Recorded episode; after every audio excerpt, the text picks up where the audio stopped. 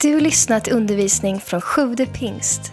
Vi hoppas att Guds ord ska tala in i ditt liv och fördjupa din relation med Jesus.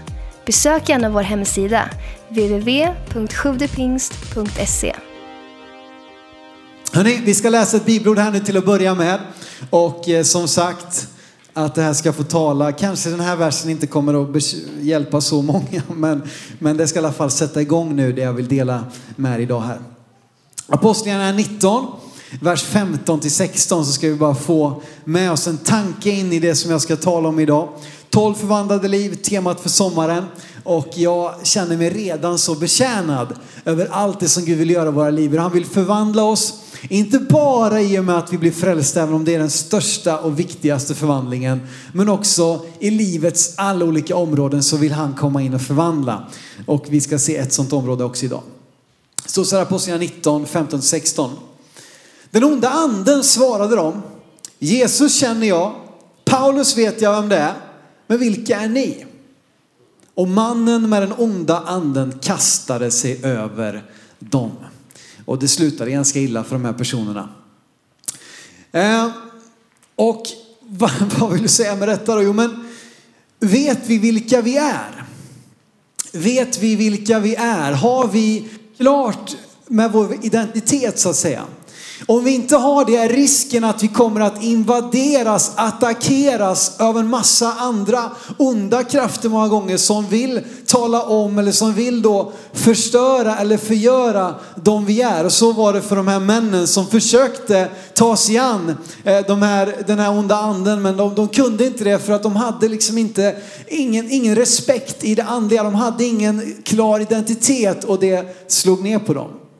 Och så också med den mannen som vi ska möta idag, nämligen en besatt man som levde bland gravar.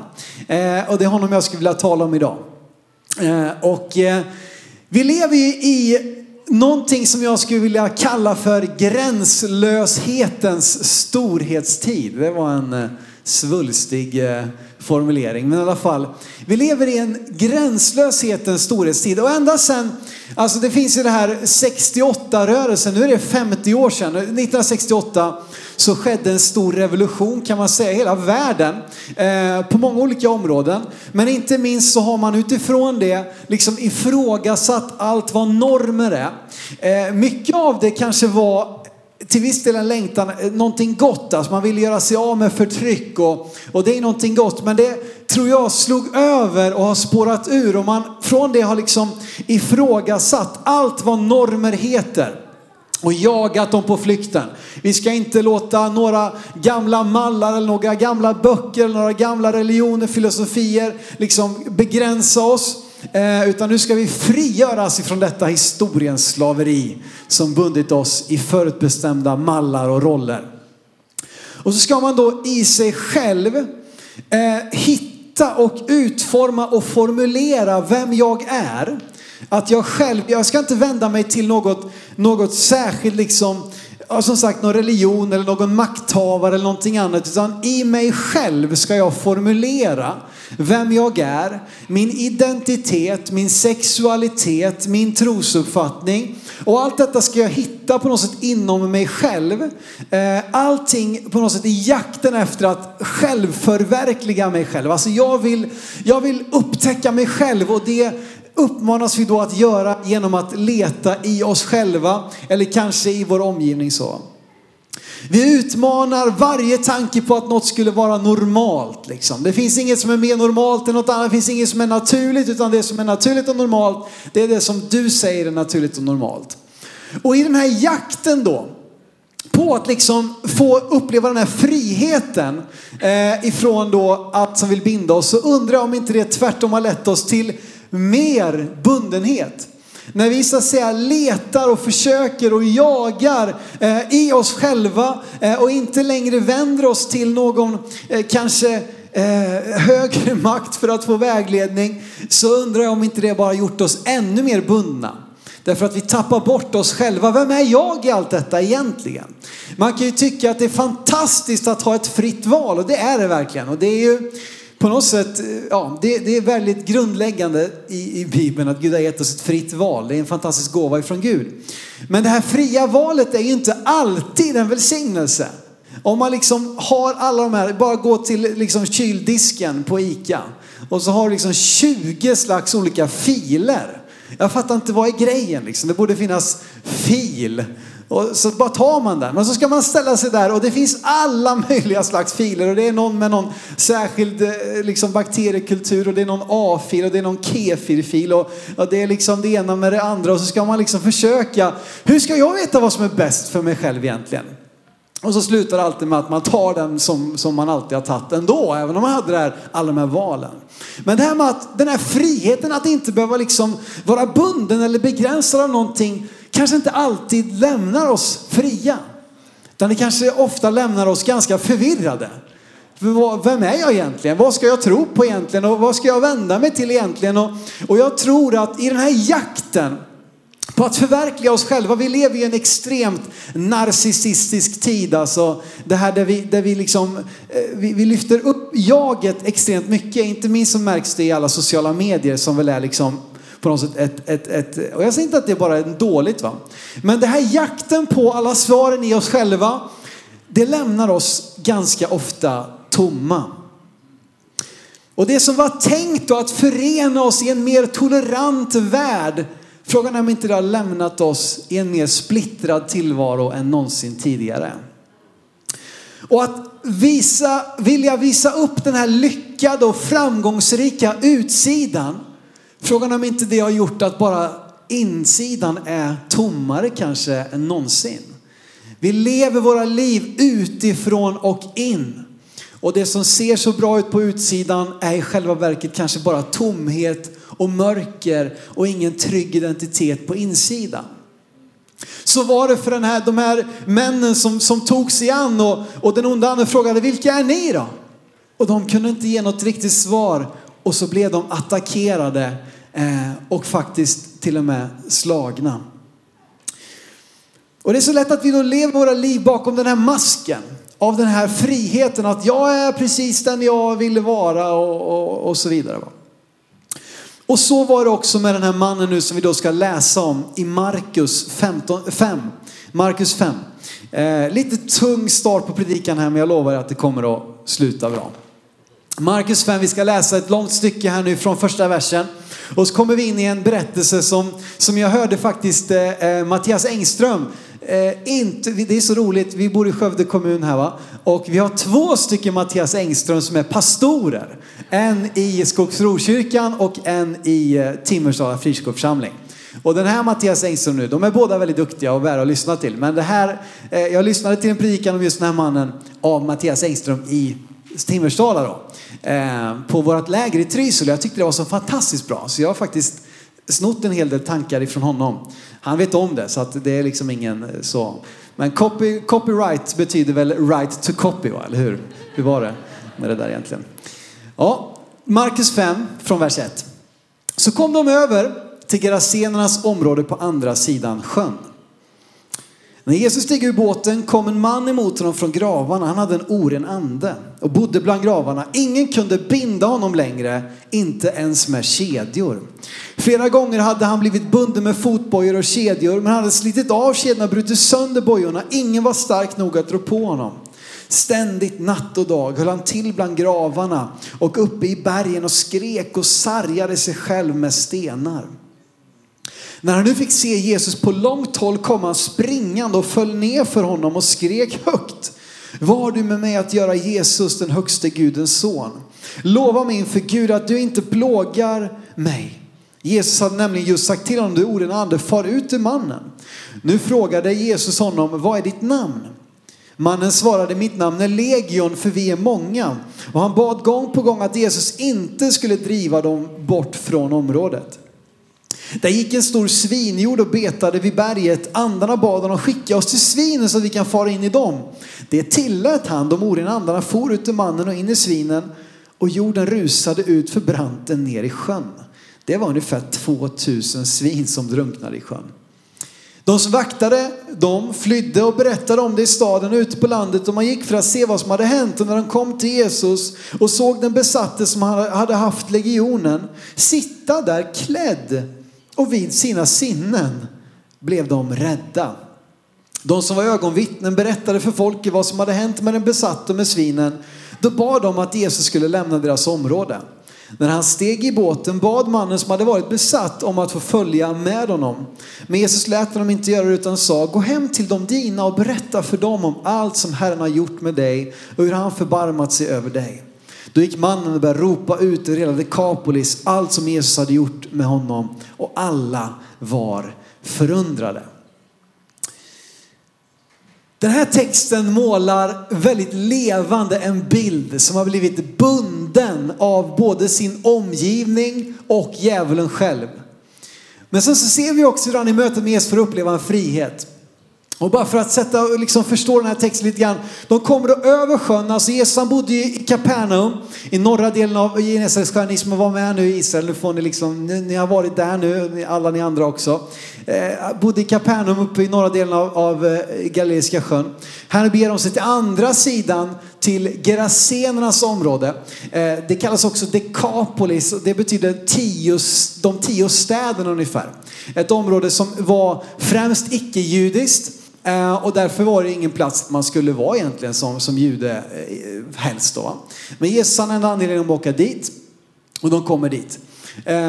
Och kanske att de var hedningar eftersom att de hade en stor jord med grisar eller med svin. Eh, och annars bröt de ju mot Mose lag att man skulle inte handla och liksom hålla sig med svin som var orena djur. Då. Och direkt när Jesus skriver ur den här båten så kommer den här mannen till honom med den här orena anden. Och tänk er själva här nu. Den här mannen som var besatt då, vad betyder det? Om han var intagen på något sätt av onda andar. Och ända sedan djävulen och hans fallna änglar föll i, i eh, ja, till och med före skapelseberättelsen så talar Bibeln om att djävulen föll. Eh, och eh, ända sedan dess har de ägnat sig åt att försöka stjäla, slakta och förgöra. Liksom. Förstöra så mycket som möjligt, binda så många människor som möjligt. Eh, och, och de är liksom i full, full aktion. Och här nu då så har den här mannen blivit besatt, han har blivit intagen utav de här onda andarna. Kanske man blir lite orolig alltså, som kristen och tänker, kan jag bli besatt? Och bara en liten kort grej så tror jag, nej, om du är kristen då, då tror jag inte att du kan bli besatt. Därför att den helige ande bor i dig. Han delar inte plats med några onda andar. Däremot så tror jag vi kan bli ansatta. Men det är någonting annat än att vara besatta. Alltså vi kan bli attackerade utav onda makter och det behöver vi liksom vara på alerten och förstå. Men jag tror inte vi kan bli intagna. Eh, skillnad på att vara attackerad och bli intagen. Den här mannen var intagen. Och det här är en man som inte längre kan leva bland människor. Jag menar han, eh, de har försökt att binda honom, kontrollera hans ilska och styrka utan framgång. Och kanske är det så ganska ofta när vi möter människor som, som, som, som verkar vara vilsna, som brottas med olika delar av sina liv, att vi försöker på något sätt från utsidan binda och kontrollera. Eh, men det går inte att från utsidan rätta till någonting som står fel till på insidan. Det behövs ett annat botemedel. Eh, och därför tror jag att vi måste våga prata om de här sakerna när vi kanske upplever, kanske inte att det var så illa ställt som för den här mannen. Men det kan absolut vara så att vi kämpar med, med olika saker, med vår identitet, med vilka vi är. Eh, inte minst så ser vi ju den enorma psykiska ohälsa som har vuxit, eller så har det bara blivit mer synligt. Att vi vågar prata om det, det är bra tror jag. Min syster till exempel, hon har varit väldigt öppen med att hon, att hon kämpar med psykisk ohälsa. Och vi måste våga prata om de här sakerna. Nu säger jag inte att man då är besatt av en ond ande för att man lider av psykisk ohälsa. Det är inte det som är det jag vill säga här. Eh, det här ser ju på olika sätt ut. Men däremot att det är någonting vi kämpar med på insidan. Och det kan vi inte komma åt genom att binda människor på utsidan. Det måste komma ett annat botemedel. Eh, och den här mannen då springer han är, för det första han är förvirrad. Han lever ensam, han skadar sig själv. Det här självskadebeteendet med den ångesten som finns på insidan. Att man, man vet inte vad, hur man ska bli av med den där smärtan som, som finns där inne. Så man börjar skada sig själv, man börjar skära sig själv. Eh, precis så var det för den här mannen. Och han nu springer mot Jesus. Och bara tänk på den här grejen. Jesus har haft nästan en, en vaken natt här. Eh, det det var storm, och det ska vi komma tillbaka till. Och så kommer han av här på morgonen lite, lite så här halvtrött, ni vet efter att ha dygnat typ så här va. Och så kommer det då en vild man, naken, med typ, tänk dig lite så här kedjor eh, liksom hängandes, eh, någon boja liksom. Och så springer han mot Jesus helt vild. Hur hade du reagerat om en sån hade kommit mot dig? Du hade förmodligen, oh oh, nu drar jag liksom. En sån där riktig kalanka flykt liksom. Bara springer, lägger benen på ryggen och allt vad du vill. Men Jesus han bara står där. Stencool. Det är ganska häftigt bara den grejen att Jesus bara står kvar. Och när mannen kommer fram och märker att Jesus är inte rädd för mig. Då slutar det med att han faller ner på sina knän. För på något sätt så inser den här onda anden som har intagit den här mannen att, att här har jag ingen makt. Här har jag ingenting, men han är fortfarande inte upprorisk. Han försöker säga åt Jesus, plåga mig inte. Du som är den enda, du som är, vad, vad säger han? Eh, han säger till honom, eh, vad har du med mig att göra Jesus den högste Gudens son? Lova mig inför Gud att du inte plågar mig. Och här då så, det är ganska ofta som de onda andarna faktiskt bekänner Jesu liksom titel och befattning. Och kanske att det var ett sätt att försöka kontrollera. Att försöka, jag vet min sann vem du är. Eh, eh, på något sätt. Han försöker få någon slags övertag men ingenting lyckas. Eh, och Jesus han bara talar till honom. Eh, och så frågar då Jesus, vad är ditt namn? Och han säger, han svarar inte ens på sitt namn, han säger legion. Och vad är det då? Jo men det är ju den största den största enheten i den romerska armén. En legion var en, en enhet på ungefär 5-6 tusen man. Eh, så att det här, och vi är, för vi är många. Försök, det känns som att han fortsatt försöker liksom skrämma Jesus nästan. Hallå, vi är minsann många. Du, du kommer inte komma ur det här utan en fight. Även om de ändå, tror jag, redan är rädda och inser vart det här kommer sluta. Men ingenting kan hindra Jesus. Eh, och samtidigt förstår vi hur illa ställt det var med den här mannen. Som var så övertagen av de här onda andarna. Ondarna vet att Jesus har makt över dem och till slut så ber de i alla fall sänd oss in i de här svinen då. Och Jesus tillåter det står det. Och de skickas in i de här 2000 svinen som blir tokiga och begår kollektivt självmord. Jättekonstigt. Var kom det här ifrån egentligen? Det här är en sån här grej som man inte kan låta bli att stanna till. Vad hände där Jesus? Vad, vad är liksom 2000 svin? Det är ändå ganska, ganska mycket. Va? Och det här är väl en sån där sak, skriv upp det, en anteckning på telefonen, den kommer du ändå inte ha kvar. Men jag tänkte det här är en sån där sak man vill fråga Jesus. Jesus när han kommer till himlen, hur var det med de där svinen egentligen? Vad var grejen med det där alltså? Men några tankar som kanske ska hjälpa oss är, kanske är det för att utmana lokalbefolkningens prioritet. Vad är viktigast? Är det ert mannens välbefinnande eller er egen plånbok? För det är klart, det här var en inkomstkälla. Eh, det är ett, en sak. Kanske är det för att på ett konkret sätt visa hur destruktiva demoner är och att vi verkligen behöver hålla oss undan, att vi förstår att det här är allvar. Kanske var som sagt det här folket då judar och i så fall kanske de behövde tillrättavisas på något sätt som då handlade med dessa orena djur som Gud hade sagt åt dem att inte göra. Kanske var detta en dramatisk lektion i hur Satan och hans demoner leder till orenhet och slutligen död. Jag vet inte, det är lite sådana här lösa tankar. Men skriv upp det som sagt, eller kom ihåg det och så frågar vi Gud. Eller så när vi väl står där och tänker, äh, vem bryr sig egentligen? Hur som helst. De som vaktar svinen, de springer och hämtar lokalbefolkningen och de borde ju egentligen nu vara glada. Samtidigt är de inte det. Och även då de kommer tillbaka och så sitter mannen där klädd, lugn och vid sina sinnen. Alltså vilken grej, vilken förvandling. Eh, men de lyckas inte glädja sig med mannen utan de försöker, alltså Jesus sticker ifrån. Det här, visst det är häftigt men vi vet inte hur vi ska hantera det här. Så vi vill inte ha det här längre. Och Jesus som är en gentleman, han, han tvingar sig inte på någon. Och så är det också med dig i ditt liv. Han kommer till dig, han beger sig till och med över sjön till din, den sida där du befinner dig för att leta rätt på dig. Och så han erbjuder sin frihet.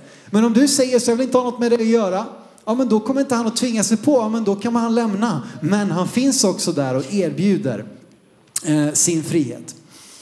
Så, eh, och Jesus lämnar då och mannen blir en missionär i det här området. Väldigt spännande. Eh, han blir sänd och man kan säga mer om det, men i alla fall. Och den här mannen nu då. Han var ju hemlös. Han var rastlös. Han var gränslös. Han var relationslös. Han var namnlös. Han var identitetslös. Han var hopplös.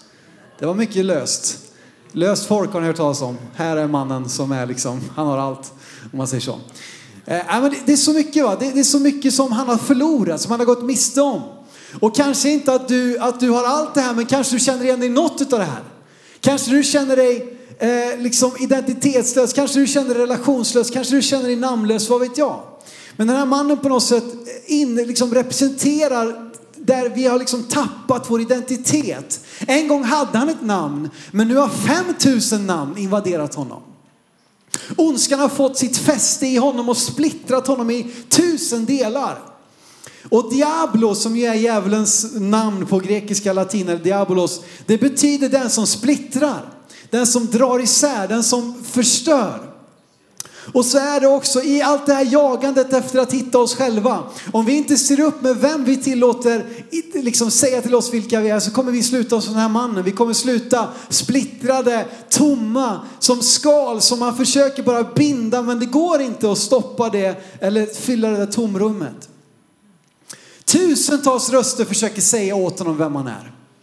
Och vi lever i en tid där så många försöker säga till dig, gör det här, satsa på det här, gå på den här dieten, ät på det här sättet, ha den här semestern, tro på det här, tro inte på det här, testa det här, gör det här. Tusentals röster försöker säga åt den här mannen vem han är. Och till slut har det bara lämnat honom på en plats där han är fullständigt förlorad. Alla lögner har fullständigt ruinerat honom. Han skriker, han skadar sig själv för att dämpa ångesten. Och som sagt, i det här så måste vi söka hjälp på rätt ställe. Vi kan inte rätta till det som är på insidan genom några yttre förändringar. Det måste till någonting från insidan. Någonting som bara Jesus kan göra. Och tack och lov så kommer Jesus till den här mannen. Och vet du vad? Oavsett vilket mörker du lever i, oavsett vilken bundenhet du sitter fast i, så är det fortfarande så att ljuset övervinner mörkret. Ljuset övervinner mörkret. Johannes 1, 4-5 står det så här. I honom, i Jesus var liv och livet var människornas ljus och ljuset lyser i mörkret och mörkret har inte övervunnit det. Fortfarande är det så att ljuset övervinner mörkret. Fortfarande är det så att när bara ett ljus tänds så måste, vilket det tjockaste, det svartaste mörker måste brytas. Det måste skingra sig. Och vem är det där ljuset? Jo, Jesus. Han var människornas ljus. Så när vi sitter fast i det här mörkret så ska vi absolut söka hjälp av, av den sjukvård vi kan få. Men det finns också någonting i våra hjärtan, någonting i vårt inre som jag tror att bara Jesus kan lysa upp. Någonting som bara han kan rätta till.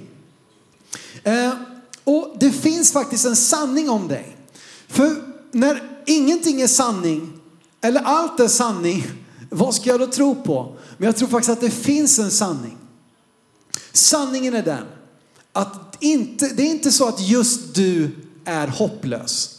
Det är inte så att just du är dömd till ett liv i ensamhet och isolation. Det är inte så att just du var ett hopplöst fall. Sanningen om dig, det är att du är skapad till Guds avbild. Sanningen om dig, det är att du är utvald av Gud. Sanningen om dig, det är att Gud älskar dig oavsett vilka fel och brister du har begått. Oavsett hur djupt ner i smutsen du har sjunkit. Det är sanningen om dig. Men om vi inte ser upp så kommer det finnas massa röster som vill tala om sanningen för oss. Och de rösterna kommer att ruinera, de kommer splittra oss. Men Jesu ljus vill göra dig ny. I honom kan du lägga ner alla masker och upptäcka din sanna identitet. Och sanningen är också faktiskt att vi klarar oss inte själva.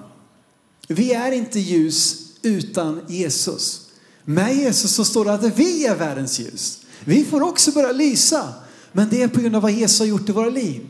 Så vi bör också erkänna och inse att jag behöver en frälsare. Jag behöver en befriare. Jesus, jag behöver dig. Hjälp mig. Folket runt omkring lyckas inte glädjas över det enorma miraklet som har skett framför deras ögon. De blir förvirrade, de, blir, de förstår inte, de ser alla förluster, de ser liksom kontot som bara har liksom minimerats. Och jag tänker bara för oss själva, eller för mig själv, att aldrig hamna i detta att nedvärdera frälsningens under, att nedvärdera vad Gud gör i våra liv. Ofta tror jag det kan vara så att vi, vi, vi har en läpparnas bekännelse som säger att Åh, vi längtar efter människors frälsning, vi längtar efter väckelse, vi längtar efter förvandlade liv. Men om det inte sker på ett sätt som är bekvämt för mig så är det så lätt att vi skjuter det ifrån oss. Att vi stöter bort det, har lite på armlängds avstånd. Särskilt om det kanske är så att det till och med påverkar min egen bekvämlighet. Min egen, liksom det jag har. Men Gud hjälp oss att alltid glädjas och uppvärdera, värdera frälsningens under i människors liv. Att alltid glädjas, att alltid välja att se det goda som Gud gör i någon människas liv och inte skrämmas utav det som vi kanske inte kan förklara eller det som inte gick till så som vi trodde att det skulle gå till. Och Gud hjälp mig, helige ande hjälp mig och jag ber er påminn mig om jag börjar tappa fotfästet, om jag börjar tappa, liksom få fel fokus eller perspektiv. Låt oss få vara de som faktiskt ser, här sitter en man. Förut så var han naken, han var vild, han skadade sig själv, han kunde inte ens liksom bindas med kedjor. Nu sitter han lugn, klädd vid sina sinnen, han har blivit sig själv, han har funnit sig själv. Men de ser inte det, de gläds inte över det, utan de stöter det ifrån sig och går miste faktiskt om det som Gud vill göra i kanske hela deras område. När mannen själv fått uppleva frihet och upprättelse så vill Gud göra samma sak genom honom till andra. Och därför är min nästa uppmaning till dig att ge som gåva det du fått som gåva. Så fort du har tagit emot Jesus i ditt liv så kan du få bli det där ljuset i någon annans liv. Så fort han har förvandlat dig från insidan ut så kan det ljuset som han har tänt i dig få börja lysa in i någon annan människas liv. Jag vill säga till dig, nedvärdera inte dig själv. Du kanske jämför dig med liksom, jag, jag tänkte, jag, jag hörde faktiskt, jag gick och lyssnade på lite lovsång här och så var det ett, ett i den lovsången så var det eh, ett citat av Billy Graham där han liksom talade, For God so loved the world that whosoever believeth in him shall not perish but have everlasting life. Billy Graham som dog här tidigare i år, en av 1900-talets största predikanter. Det är så lätt att jämföra sig, ja, men han gjorde ju så mycket mer. Han nådde ju hundratusentals, han nådde miljontals människor.